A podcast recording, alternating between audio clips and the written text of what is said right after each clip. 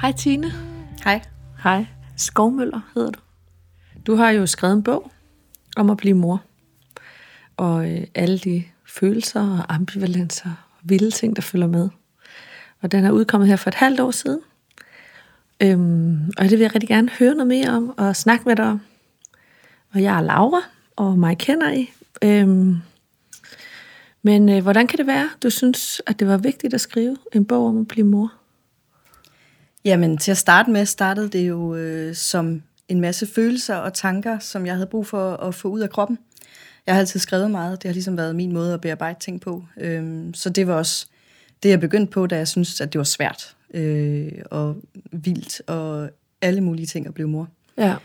Øhm, jo mere jeg så skrev, det gjorde jeg i løbet af de første øh, ja, seks år af Mm. mit barns liv. Øh, Mm. Meget under barslen selvfølgelig, Mm. men også i årene efter, øh, om alle de forskellige oplevelser. Og, øh, fordi det tog mig nogle år at lande som mor, så der var stadigvæk mange tanker og ting, jeg skulle have styr på. Og jo flere af de her afsnit, jeg skrev, og jo flere følelser, der kom ud, jo mere kunne jeg se, at, øh, at det faktisk var en samling tekster og tanker og øh, oplevelser, som jeg selv ville have haft rigtig stor glæde af at læse, da jeg var blevet mor, Mm. øh, men som jeg ikke kunne finde på det tidspunkt. Øhm, og så gik der endnu lidt tid, og øh, nogle gennemlæsninger, og jeg blev masseret af nogle gode veninder og min mand, og så, øh, og så blev det til en bog, og så kom den ud. Sejt. Fordi din dreng er 10 år i dag? Det er han, ja. Ja. Så det er jo øh, ret mange år siden, du blev mor. Det er det. Du er ved at være en rutineret øh, spiller i gamet. Morgamet. Jeg har i hvert fald nogle år på banen, ja. Ja. Okay. Hvad var det, der var svært, synes du, da du blev mor? Jeg synes, der var rigtig mange ting, der var svære. Øhm, en af de første ting, jeg synes, der var meget svært, det var, at, øh, at jeg ikke stod med den der lykkefølelse øh, og blev overvældet af kærlighed, som jeg jo øh, havde læst om og havde hørt om og havde set andre mødre give udtryk for. Øhm, den kom ikke, øh, og jeg gik og ventede på den. Selvfølgelig var han skøn, og jeg havde en, en forholdsvis udramatisk fødsel, og øh, Silas, som han hedder, han sov godt, og han var skøn og dejlig, og der var slet ingen problemer. Mm. Men, øh, men alligevel var jeg ikke øh, lykkelig og, øh, og helt dybt forelsket i ham. Øh, og den følelse kom ikke, og så begyndte jeg at føle mig enormt forkert. Fordi hvorfor gjorde den ikke det? Ja. Betød det, at jeg var en dårlig mor, eller øh, hvad var der egentlig galt med mig? Øh, jeg var godt klar over, at jeg ikke var depressiv. Det var ikke en fødselsdepression. Jeg var ikke, øh, det var ikke sådan, jeg havde det. Jeg var bare tom. Mm. Øhm, jeg kunne sagtens tage mig af ham, og jeg var på barsel og alt det her, men, men der manglede ligesom et eller andet. Og så begyndte jeg at gå og slå mig i hovedet rigtig lang tid over, hvorfor jeg ikke øh, elskede ham højere, og hvorfor jeg ikke øh, havde øh, flere store følelser for ham. Øhm, og jeg kedede mig også, og synes det var virkelig, virkelig kedeligt at være på barsel. Så, Ja. øh, så det tror jeg faktisk jeg, øh, var det, der var det sværeste, og, og det fulgte mig rigtig, rigtig lang tid. Ja. Hvad, øh, det der med at kede sig, altså det er du jo ikke den første, der jeg hører sige. Øh, og, og den her serie, den handler jo om den der ambivalens mellem mig og mit barn. Mm. Mig-tid og tid med barnet. Eller, jeg har lyst til det her, men det inkluderer ikke barnet. og barnet har nogle behov, og hvordan kan jeg få plads til mig selv, hvis jeg skal tilfredsstille alle de her behov? Og må man overhovedet det? Skal man have plads til sig selv, eller skal man give faklen videre til den nye generation, eller hvad man siger?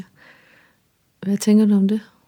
Jamen, jeg tænker i høj grad, at er jo det, jeg kan efterrationalisere, der hvor jeg endte, også da jeg skulle skrive bogen, øh, på den anden side af alt det svære, endte jeg jo, end har jeg jo endt med at konkludere, at selvfølgelig skal man have plads til sig selv. Øh, jeg kan kun være en god mor for mit barn, hvis jeg har det godt. Ja. Øh, hvis jeg ligesom også prioriterer nogle af de ting, som er vigtige for mig. Ja. Øhm, og jeg tror, en af de ting, jeg blev mest overrasket over, så kan man kalde mig naiv eller hvad, men en af de ting, jeg blev mest overrasket over, var, at, at jeg jo var fuldstændig den samme mig på den anden side af fødslen. Det havde ikke ændret sig. Øhm, jeg havde måske tænkt, at jeg ville folde mig ud som en kæmpe mor med store bogstaver, og, og, og at han ville være nok i mit liv, og at alle de andre præferencer og lyster og behov, jeg havde haft, at de ville forsvinde som dug for solen, øh, fordi at han bare skulle fylde det hele, og det gjorde de ikke. Altså, jeg kunne mærke, at det var stadig de samme behov for fordybelse, og de samme behov for stillhed og ro, og for at være alene, som, øh, som fyldte mig og som derfor også nagede mig, øh, fordi at når man har et barn, som alle andre mødre kan I genkende til, så er der bare hverken tid til ro, eller fordybelse, eller alenetid. Det er i hvert fald noget, man skal, man skal arbejde benhårdt med at, at skaffe. Mm. Ja. Og jeg tabte lige tråden. Jeg havde lige sådan...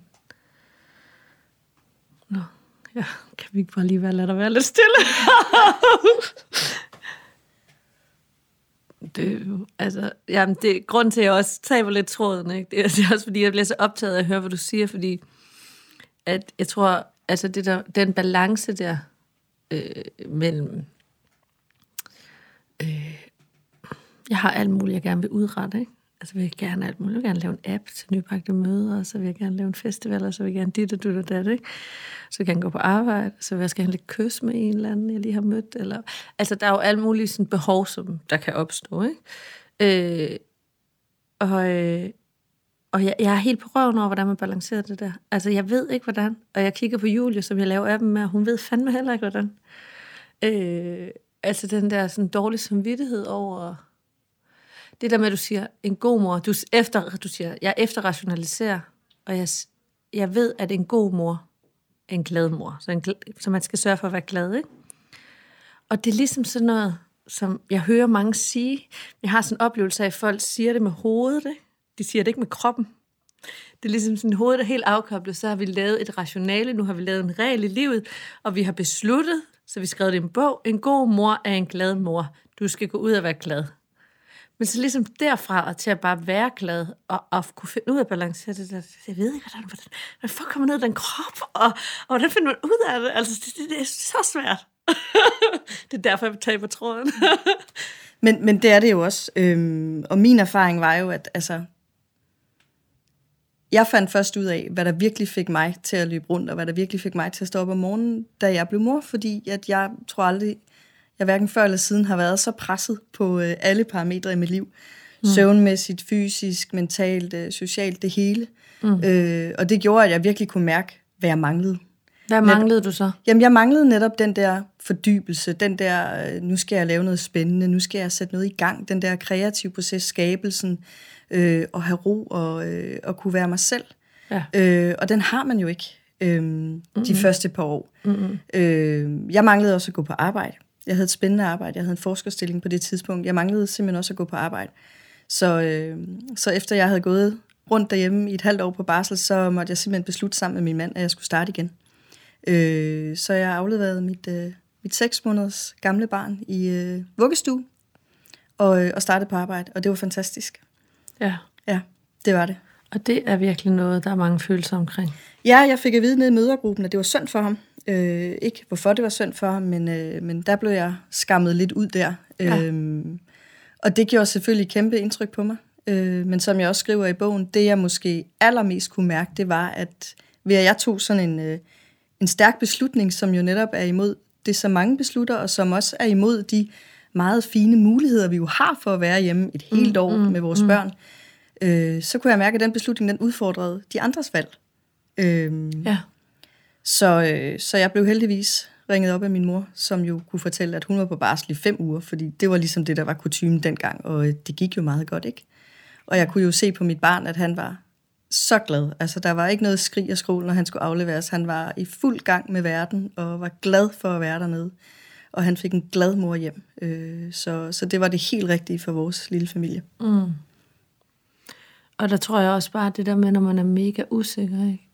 Det er ligesom, når, når folk tager et valg, så, så udfordrer det, som du siger, jo netop det, det valg. Altså når jeg ser en veninde tage, når Julie vælger at gå hjemme, eller have børnene på det, så sætter det spørgsmål, stiller det spørgsmålstegn ved mit valg, mm. om at hente sent, eller hvad det nu kan være for et valg, ikke? Mm. Øhm, eller når nogen fyrer den af med, med karriere, og, og, og jeg så henter tidligt, så tænker jeg, ej, okay, jeg er totalt, jeg er gået totalt bag om dansen, men det game over på det der karriere for mig. Ikke? At- Og så, så opstår der sådan et behov for at finde standard. Altså finde en opskrift, som vi alle sammen kan blive enige om, er den rigtige. Så jeg ikke selv skal tage ansvar for, hvad der gør mig glad. Ikke? Mm. Øh, det er pisse svært. Ja. Men det er lige præcis det, der er så sindssygt farligt. Fordi vi så netop har en standard, og den skal man jo så passe ind i. Og når man ikke mm. gør det, netop som du siger, i en periode i ens liv, hvor man måske altså, skal prøve noget for første gang. Altså, man, man ved ikke, hvordan det er, og man mm. ved ikke, hvordan man reagerer, når man bliver mor, så man, man er meget usikker, og man har ikke sovet længe, og man er ja. fuld af hormoner, så, så man er fuldstændig øh, på bar bund. Øh, og når man der skal, skal netop hen og måle sig med andre i forhold til, hvordan gør jeg det her? Mm. At så er det rigtig, rigtig farligt, når der er en standard og, øh, og one size fits all, fordi det gør det ikke. Vi er meget ja. forskellige som, øh, som møder, og det der med at tro, at man bliver et andet menneske, end den man måske reelt er, med nogle andre behov, når man ja. bliver mor, det, øh, det, det tror jeg virkelig er at stikke sig selv blå i øjnene. Hvad sagde du til dig selv for ligesom, når du prioriterede at gå på arbejde, da han var seks måneder, hvad, der må du, have, du må have haft nogle coping-strategier til at, at ligesom håndtere, at du ikke faldt inden for normen, eller at du gjorde noget, som nogen synes var forkert?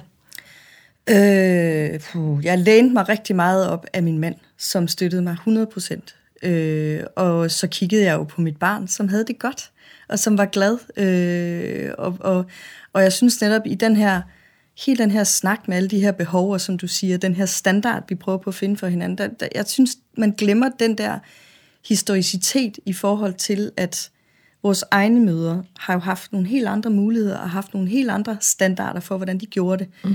Og vi er jo overlevet. Vi har det godt. Altså, øhm, ja. så, så de behov og de valg og de standarder, vi sætter i dag, er helt anderledes. Men, men der tror jeg også, at vi dominerer sådan en tanke om, at vi hele tiden skal udvikle os, og vi skal gøre det bedre end vores mødre. Jo, men samtidig har man også, der er jo kørt to parallelle processer. Den der med, at børnene er blevet midtpunkt i vores liv, og mm. vi har alle de her øh, hvad hedder det, statsfinansierede muligheder for barsel og for omsorg og for overlov og så videre. Men samtidig så har vi, er der også kørt en proces, hvor vi har sat kvinderne fri og sat dem ud på arbejdsmarkedet. Og de der to processer, hvor man dels har nogle kvinder, som har uanede muligheder i dag også, og de skal ud og have et job og en karriere og en masse spændende ting i deres liv. Og så samtidig skal de gøre barnet som det vigtigste omgangs, omdrejningspunkt i hverdagen. Altså de processer hænger overhovedet ikke sammen. Og det er den, jeg synes, at man nogle gange er nødt til lige at stoppe op og kigge på og sige, prøv at høre, der er altså to modsatrettede tendenser her, og, og, og det kan vi ikke, altså den kan du ikke ramme rigtigt. Så der er man nødt til at finde ud af, hvor man er, og hvad der er vigtigt for, øh, for ens selv og ens lille familie, i stedet for, hvad gør alle andre? Fordi man mm. er nødt til selv at finde en måde at knække den der nød på. Og jeg gjorde det jo ved at kigge på min mand, snakke meget med ham og sige, jamen jeg havde det ikke godt, da jeg var på barsel. Jeg kedede mig virkelig, virkelig meget. Jeg visnede ind i, jeg var ked af det. Øhm, jeg var ikke mig selv. Og hvis jeg skulle blive en god mor, og hvis jeg skulle lande ordentligt i den rolle, så var det vigtigt, at jeg følte, at jeg også var der, og jeg havde mig med. Mm. Øhm, ja. Ja. Hvis du skulle sige noget, altså hvis der sidder nogle kvinder derude, og ikke kan finde ud af det, hvad vil du så sige til dem? Jamen, jeg vil sige, at de skal holde fast i sig selv. At de skal mærke, hvad er vigtigt for dem. Øh, og så må de også kigge på deres eget barn, fordi børn er også forskellige. Ja. Der er heller ikke one size fits all i forhold til børn. Nogle er fuldstændig tosset med at komme i gang med verden med det samme, og er enormt sociale og skal bare ud over stepperne, og andre har rigtig meget brug for at sidde i favnen og sidde i skødet og være sammen med deres forældre, og det, og det kan man også mærke på sit barn. Selvfølgelig kan man det, man er jo deres mor, man er jo dem, der kender den bedst. Mm. Så man er nødt til i den øh, treenighed eller fireenighed, hvad det er, man har skabt, så man er nødt til at finde ud af at få alles behov på en eller anden måde i en eller anden øh, tidshorisont til at gå op i en højere enhed. Så, øh, så den der floskel med, at mor skal være glad, som er en floskel, men som også er enormt vigtigt, fordi det er barnets primære person de første rigtig mange år. Mm. Så den er vigtig, og den skal gå op øh, på en eller anden måde. Mm. Tak. Jeg synes, det var en god kommentar at slutte på.